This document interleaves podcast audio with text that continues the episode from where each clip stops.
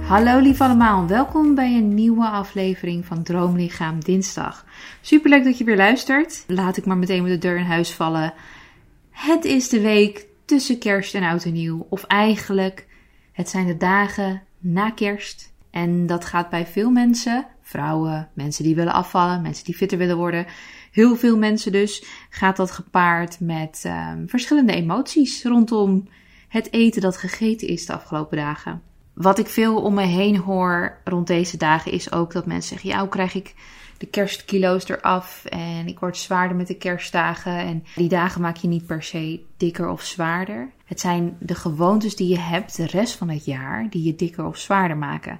Er is een stukje verantwoordelijkheid wat je denk ik dient te nemen over die 365 dagen, of laten zeggen 300 eh 62 dagen van het jaar. Want die drie dagen van kerstavond, eerste en tweede kerstdag, die zullen er niet voor zorgen dat die, wat is het, 362 dagen ehm, er niet toe doen. Het gaat er dus eigenlijk om wat je in al die, laten zeggen, 300 dagen doet. En dan die 65 dagen, dat zijn twee volle maanden, kun je hier en daar afwijken. Maar dan vang je met dus 300 dagen, meer dan vier keer zoveel, vang je echt wel op als je bepaalde gewoontes hebt geïntegreerd. Maar weet je, laten we heel eventjes het hebben over wat er misschien gebeurt in je hoofd. Of je kunt herkennen ehm, wat er gebeurt in je hoofd. Wat zeg je tegen jezelf na deze dagen? Wat gaat er voor je gevoel misschien mis? Wat gaat er wel goed? Reflecteer je op de dagen vanuit een neutrale staat? Of reflecteer je eigenlijk vanuit een staat van schuldgevoel, boosheid? ehm, je voelt je misschien rot omdat je niet jezelf kon beheersen. Of het gaat mis in de gedachten nadat je alles hebt gegeten. Of misschien wel allebei. Ik hoor het van mensen ook om me heen. Van het is kerst en ik wil even niet denken aan dat afvallen en zo. Ik wil gewoon even lekker eten en niet bezig zijn met het afvallen. Maar waarschijnlijk weet je ook hoe ik daarover denk. Dan is er altijd wat. Um, dan is het oud en nieuw. Dan is het een verjaardag. Dan ben je op vakantie. Vaak denken we dat we even een tijdje keihard ons best moeten doen. Zoals ik in een eerdere aflevering vertelde. Om dan dus iets te behalen.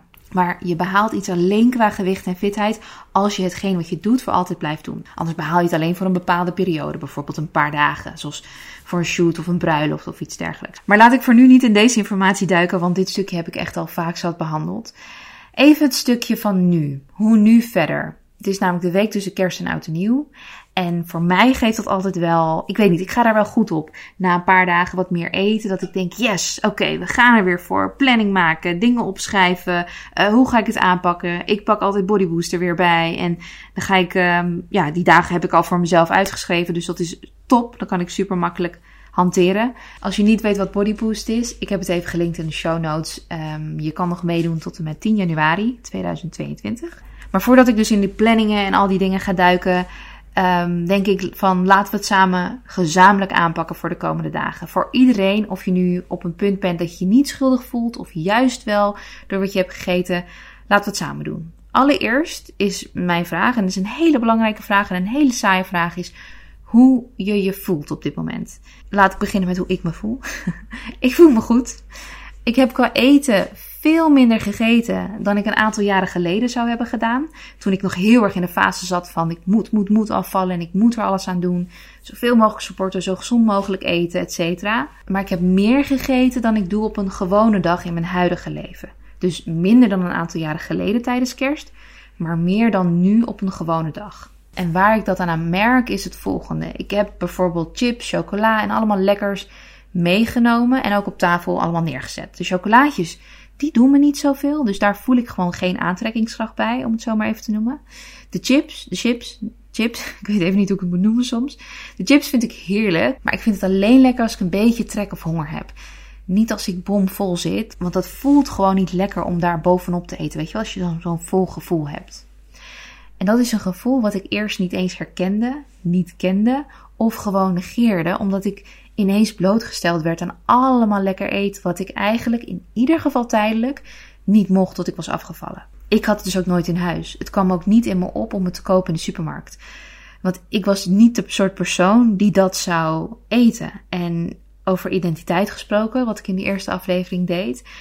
Ik had in mijn hoofd dat de identiteit van iemand die bepaald fysiek had en fit was en slank was, was dat hij dat nooit zou eten. Dus ik had in mijn hoofd van dat is de persoon die ik moet worden. En het is eigenlijk heel gek en krom. Dat was namelijk in zo'n fase waarin, um, ja, hoe kan ik het noemen? Beetje toen personal body plan, ik weet niet of je dat kent, heel erg hip was. Het bestaat nu nog steeds, maar het was toen echt heel erg uh, up. En overal was het te zien en mensen deden hun Instagram naam met PBP van Personal Body Plan. En er was een clubje die daarbij hoorde. En dat was een heel populair clubje. En hoe zij eten promoten en hoe ze dat deden met sporten en zo. Daar werd ik heel erg door beïnvloed. En dat is een stukje waar ik het zo meteen over wil hebben. Maar um, in mijn hoofd was het dus ook alleen maar gezond en puur eten. En dan je macro's bijhouden. En dan alleen lekkers op cheat days of weet je wel, met cheat meals en dat soort dingen. En dan ben ik tegenwoordig helemaal geen voorstander meer van cheat days en cheat meals. Niet alleen om de naam, maar het hele principe ben ik een hele nou, ben ik geen voorstander van. Ben ik een hele grote tegenstander van, wil ik zeggen. In ieder geval voor mij. Maar ik werd in die tijd heel erg daardoor beïnvloed. En ik dacht, oké, dat is de identiteit die ik moet aannemen. Ik moet alleen maar gezond eten. En dan soort van ingecalculeerd op een cheat day mag ik dan wat lekkers. En dat vond ik dan doodeng. Want ik wist niet of ik mezelf zou kunnen beheersen op zo'n dag van cheat day, cheat meal, whatever. Kon ik vaak ook niet. Terwijl ik was al afgestudeerd als diëtist. Dus je zou denken, hé, hey, maar je weet het zelf wel beter. Uh, of je weet in ieder geval wat bij jou past en dat past niet bij jou. Ik was namelijk daarvoor, was ik 20 kilo afgevallen op een gezonde, gebalanceerde en een leuke wijze vooral. Ik kan me niet eens herinneren hoe ik dat heb gedaan, omdat ik niet iets specifieks heb gedaan. Dus ik kwam daar vandaan, maar toch zo erg beïnvloed door die online wereld. De mensen die ik volgde, de mensen die populair waren. Mijn blog was ook up and coming. Het kreeg steeds meer bezoekers en dus steeds meer meningen. Maar ook mensen die dan mijn dingen gingen vergelijken met wat Personal Body Plan zei. En aan mij vroegen om dat maar eens even uit te leggen. Waarom ik uh, chips had of kaas had. Of hè, dat dat helemaal niet kon als ik wilde afvallen. En nou, ik ben iemand uh, die best wel veel aantrekt van meningen. Laat ik het zo zeggen. Ik verander niet mijn koers, maar ik kan wel bijvoorbeeld met mijn blog, dat ik dacht, ja, maar jullie zijn mijn bezoekers en ik wil jullie tevreden houden. Dus ik ga content maken die voor jullie fijn is. Niet realiseren dat de content natuurlijk in eerste instantie op mezelf zou moeten aansluiten dat is ook de hele reden waarom ik helemaal richting eetstoornissen ben gegaan. Omdat daar heel veel om geschreeuwd en om gevraagd werd. Terwijl ik zelf helemaal niet dat heb ervaren. Maar ik werd dus heel erg beïnvloed door een beetje dat populaire wereldje wat er toen heel erg was en hoe zij eten promoten. Dus in mijn hoofd was het dus, kon ik dus niet dat lekkers in huis halen. En ben ik gelukkig daar vanaf. En het begin daarvan was echt twee jaar geleden toen ik begon met Droomlichaam. Dat was voor mij een soort van, oké jongens, ik ga het doen zoals het authentiek is voor mij en zoals het goed voelt voor mij. En dat is een misschien een wat langzamer proces. Het is minder sexy misschien. Maar het is het proces waar ik mijn hele leven baat bij heb. Dat is de manier waardoor ik afval en het eraf blijft. De andere manier, dan kon ik misschien wel veel puurder hebben gegeten en veel meer hebben gesport. Maar ik viel geen gram af in die tijd. Dus daar zit een heel gek addertje onder het gras. En even kijken naar de afgelopen dagen. Ik heb lekker gegeten en ook lekker chips. Ik ben echt van de chips, chips ga ik weer. Ook vlak voor het eten, omdat ik al wat trek had bijvoorbeeld. Wetende dat ik niet meer zo, zo, zoveel zou gaan eten zoals ik vroeger deed. Enkel omdat het dus kerst was en het lekkere eten, avondeten voor mijn neus stond. Ik at de afgelopen dagen wel wat meer, omdat het dus heerlijk was. Maar ik heb zoveel laten staan, omdat ik gewoon te vol zat. En misschien ook omdat ik wat chips van tevoren had gegeten. Mentaal ben ik dus niet meer bezig met bepalen wat wel en niet genoeg is. Ik ben dat echt gaan voelen. Nou, hoe ben ik dat dan gaan voelen? Dat begint altijd met een stukje zelfliefde. En dat stukje zelfliefde is bepalen dat jij waardig bent zoals je bent.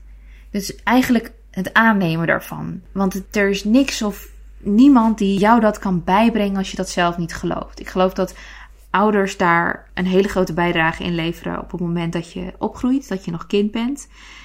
En helaas zijn er genoeg mensen die dat hebben gemist, die eigenlijk zich enkel waardig voelden als ze presteerden of als ze iets deden of als ze het pad zouden bewandelen die hun ouders goedkeurden. Er zijn heel veel verschillende scenario's natuurlijk hierin. En als je dat stukje mist bij jezelf, kan ik je alleen maar vertellen dat uh, met iemand hierover praten, een professional, een hele grote stap kan zijn in de juiste richting. Maar laat ik het voor nu zo simpel mogelijk in een paar termen uitleggen. En dan weet je voor jezelf waar je meer de diepgang in moet opzoeken. Dus zelfliefde begint dus bij bepalen dat je waardig bent zoals je bent. En dat je waarde dus niet afhangt van de weegschaal of wat je wel of niet eet. Je bent geen slecht persoon als je minder gezond eet. Je bent dus waardig, ongeacht wat je eet. Ik blijf het zeggen. Daarna rollen we in het toestaan van alles. Dus als jij een waardig persoon bent, dan ben je het waard om van het leven te genieten, toch? Niet pas als je gezond hebt gegeten, niet pas als je hebt gesport, niet pas als je een bepaald gewicht hebt bereikt. Je verdient het om nu al te genieten van al het moois en al het lekkers hier op aarde. En als dat die donut is, dan is dat die donut. Een bepaald gewicht bereiken kan ook met die donut. En die realisatie komt er sneller als je op zoek gaat naar mensen die dat pad laten zien. Die dus dat pad al hebben bewandeld en aan de andere kant staan qua bijvoorbeeld fysiek of fitheid, waar jij ook naartoe wilt, met die donuts die jij ook graag wilt. Dat is iets wat ik heel erg wil benadrukken in deze podcast. Die mensen zijn er. Dat vind ik fantastisch van deze tijd waarin we leven dat daar waar je het vroeger dus moest hebben van de tips en adviezen van je tantes, moeders, nichtjes, en anderen uit de buurt of reclames op tv, kun je nu dus het hele wereldwijde web afgaan om te zoeken naar jouw tribe, tussen aanhalingstekens. En zodra je die mensen vindt, denk ik dat je daar heel erg aan kunt optrekken. En ja, hoe weet je of die iemand de waarheid spreekt of niet? Dat kun je natuurlijk niet altijd weten. Maar geloof me als ik zeg dat er genoeg mensen zijn die een ambieerbaar fysiek hebben en toch lekkers eten hier en daar. En daarnaast kan ik gewoon als diëtist ook uitrekenen dat dat mogelijk is. Dat dat lekkers wat je wil eten, dat dat past binnen een calorietekort om af te vallen, om fit te worden. En dat weet ik omdat de hoeveelheid die jij misschien nu ambieert qua lekkers eten niet komt uit een fysieke behoefte van je lichaam, maar komt uit een disbalans. En die disbalans kan mentaal zijn, omdat je heel lang heel veel restricties hebt gehad. Of kan een emotionele leegte zijn die jij opvult met eten. Daar waar een ander het zou opvullen met misschien drugs of uh, binge-watchen van dingen. Of nou ja, kan van alles en nog wat zijn. De disbalans die er is, misschien is, weet natuurlijk niet, het is niet bij iedereen hetzelfde. Maar de eventuele disbalans die er is qua de ontzettend grote hoeveelheid die je wil eten. Dat als ik jou vertel, ja, je kan gewoon lekker eten en in een calorietekort zitten en jij denkt, nee, dat kan niet, want ik wil zo ontzettend veel eten. Dan zit dat hem dus in. Of te lang te restrictief geweest met eten, dus veel dingen die niet mogen. Of een leegte willen opvullen met eten. Ik ben zelf heel erg van die restrictieve mindset afgekomen door alles in huis te halen. En dat voelt natuurlijk heel erg uh, tegenstrijdig op het moment dat je dus vindt dat het niet mag, dat je het dan allemaal in huis gaat halen. Ik wilde namelijk nog even aanhaken op dat stukje wat ik eerder vertelde over dat ik vroeger dus niks in huis haalde. En nu heb ik dus alles in huis. Chips, chocola, snoep, ijs, koekjes. Juist met die gedachte van oké, als ik dan zin heb in wat lekkers, dan kan ik ook nemen waar ik echt zin in heb. En dan is het ook het meest verzadigende. Als ik zin heb in wat snoep, en ik ga wortels eten, ja, sorry, maar dat voelt echt niet verzadigend. Dan ga ik waarschijnlijk na die wortels grazen, grazen, het Engelse woord grazen, door het huis op zoek naar iets anders. En dan eet ik misschien een cracker. Dan denk ik, oké, ik eet gewoon een cracker, dus lekker crunchy.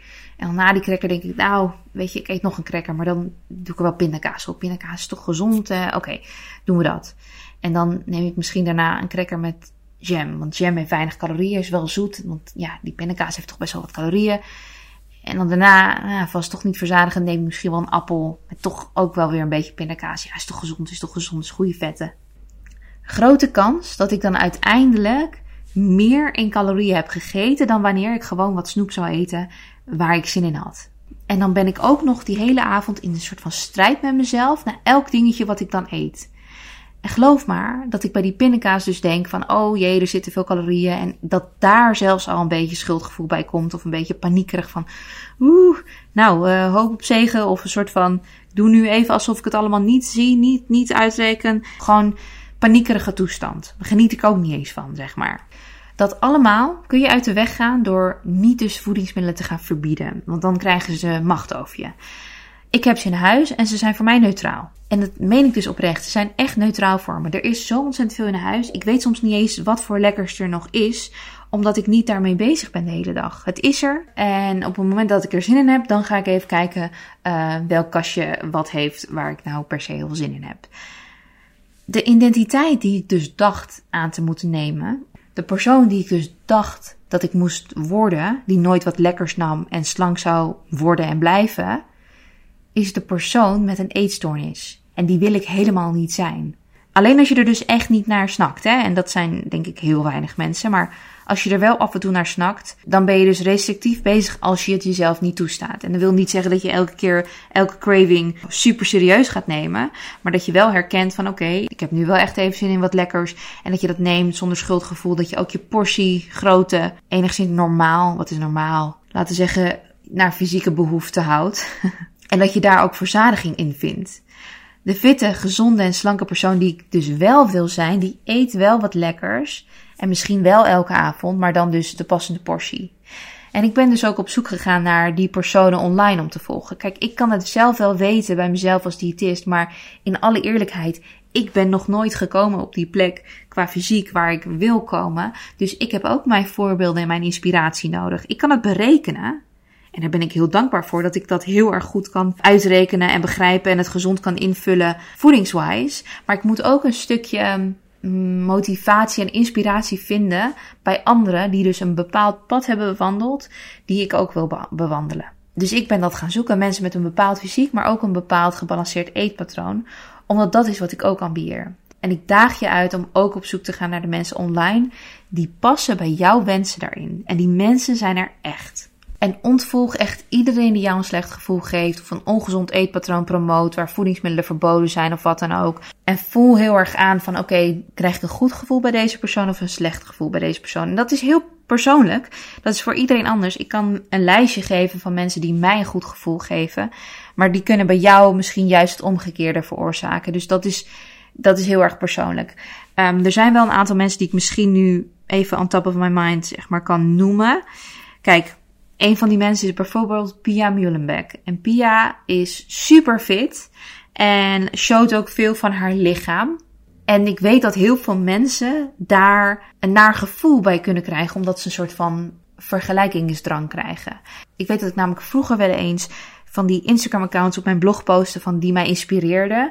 En ik, had, ik was er echt totaal niet bewust van. Totdat er ineens allemaal comments kwamen van... Oh my god, die Henna, Henna Modig. Ik weet niet meer, Henna Modig, Modig. Nou, dat is lang geleden hoor. Maar dat heel veel comments over haar kwamen van... Oh my god, alleen maar dikke tieten in beeld. En uh, vind ik, ik vind het zo'n dom wijf. Ik kijk hier niet naar. Of dat ik Negin Mersalehi, die kennen veel mensen ook wel. Posten van ik vind het heel inspirerend wat ze allemaal doet. En uh, hoe ze zichzelf naar voren brengt. Maar ook hoe ze eruit ziet. Ja, het is niet zo dat ik soort van haar gezicht kan kopen. Maar ik raak geïnspireerd van dingen die ik mooi vind. Ik weet dat daar ook heel veel negativiteit, heel, ook vanuit mijn omgeving opkwam. Dat ik op uh, persreis was en uh, met een aantal mede-influencers erover had van uh, wie je volgt en wie je interessant vindt en wie niet. En ik zei, ja, ik vind Negan echt fantastisch. Wat zij allemaal bereikt en doet. En weet je wel, dan natuurlijk ziet er ook prachtig uit. En daar, haal ik, daar kijk ik ook graag naar. Dat vind ik ook super mooi en inspirerend voor mij. Niet dat ik precies haar wil zijn, maar dat ik elementen van haar schoonheid kan waarderen en denk, oh, welke, welk wenkbrauwpotlood gebruikt ze eigenlijk? Of, uh, oh, ze eet lekker havermout in de ochtend met pindakaas en honing. Oeh, dat ga ik ook doen. Omdat ik geïnspireerd ben door haar. En dan mede-influencers eigenlijk negatieve dingen hoor zeggen van het is allemaal te perfect. En het is uh, met een perfecte leventje. En dat kijk ik echt niet. Dat vind ik allemaal uh, niet leuk. En dat inspireert me totaal niet. Maar dan dat ik vervolgens wel die persoon die dus die dingen heeft gezegd, wel de post van Negan zie liken en, het ook, en ook zie commenten daaronder. En eigenlijk wil zeggen, maar lieverds, als je ergens een slecht gevoel bij krijgt, en dat is overduidelijk als je deze dingen wilt uitspreken of voelt van hé, hey, oh iemand is allemaal perfect, oh iemand heeft het weer allemaal eh, voor elkaar gekregen, oh jeetje mina, iemand laat echt te veel huid zien of te veel bloot zien. Um, dat is een teken om iemand niet te volgen. Dat is een teken dat iemand jou niet inspireert, maar eigenlijk jou een slecht gevoel geeft over jezelf. En het ligt niet aan de persoon, want voor mij is bijvoorbeeld zo'n negin is ontzettend inspirerend. En voor de ander is het uh, uh, juist het omgekeerde. Dus probeer dus te zoeken naar dat soort mensen. Dus ik had het net over Pia Muhlenbeck. Is voor mij heel inspirerend hoe zij haar fitheid serieus neemt. En ze reizen ontzettend veel, zij en haar man. En hoe zij dat doet op reis, dat ze gewoon een prioriteit maakt van haar workout in de ochtend en het gezond eten. Terwijl, en dat is heel grappig om te zien, die man van haar, die, die is wel elke keer op vakantie allemaal lekkers aan het eten. En die zegt, oh, oké, ik, begin, ik begin volgende week weer. En uh, oh, ik moet echt gaan trainen, want we gaan uh, naar de Malediven bijvoorbeeld. En dan wil ik uh, me wel zonder t-shirt vloggen. En oh, dan ga ik weer echt trainen. je ziet bij hem heel erg de strijd die, denk ik, heel veel mensen hebben. Dat je dus in een mooi hotel bent met allemaal lekkers. En denkt, oh, maar nu even niet. Want nu heb ik altijd lekkers voor me. En ik vind het dus wel mooi om te zien hoe Pia daar dan, daar dan mee omgaat. Voor mijn gevoel is het niet restrictief of wat dan ook. Uh, Sarah's Day vind ik ook ontzettend inspirerend. Hoe gebalanceerd zij het allemaal aanpakt. In mijn beleving gebalanceerd. Uh, even denken hoor, wie vind ik nog meer inspirerend? Op, uh, ja, Whitney Simmons vind ik heel inspirerend. Um, Chrissy, Chrissy, een Britse chick, Chrissy, ik weet haar achternaam niet meer, vind ik inspirerend. Ik zal, als ik het vind, zal ik het allemaal even linken in de show notes. Zodat je daar even kunt checken of je dat wat vindt. In ieder geval een beginnetje mee kunt maken. Laten we deze dagen in ieder geval even eh, volop benutten met zelfliefde. Geen schuldgevoel. Dat we vooral proberen terug te kijken op de dagen. Niet met, oh, wat heb ik allemaal gegeten en hoe moet ik dat compenseren? Maar met, wat heb ik allemaal beleefd en waar kan ik dankbaar voor zijn? Want het leven gaat zo voorbij, jongens. Het leven is zo kwetsbaar, kostbaar, kort. En eten en schuldig voelen daaromheen is het zo niet waard om, uh, om mee bezig te zijn. Ik weet dat het makkelijker gezegd is dan gedaan, maar ik wil dit toch nog even als reminder uh, meegeven. Het is nu kwart over zes, de dag na kerst. En ik heb vandaag nog niks gegeten. En ik begin nu, ik weet niet of je het hoorde net, ik begin nu een rammelende maag te krijgen. Dus de hele dag heb ik geen honger of trek gehad. En ik heb de hele tijd gedacht, maar oké, maar nu moet ik dan toch wel wat eten. Nu moet ik dan toch wel wat eten. En de hele tijd zei ik tegen mezelf, nee, maar waarom zou je wat eten als je geen honger hebt? Ja, inderdaad, waarom zou je eten? Oké, nou, dan was ik weer bezig, dingen opruimen, dingen terug op hun plek leggen, gedoe regelen, uh, moes uitlaten.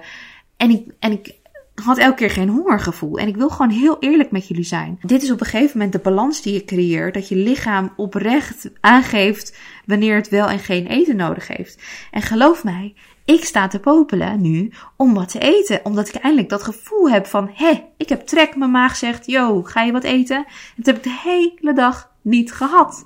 Ik heb een koffietje gehad vanochtend en that's it.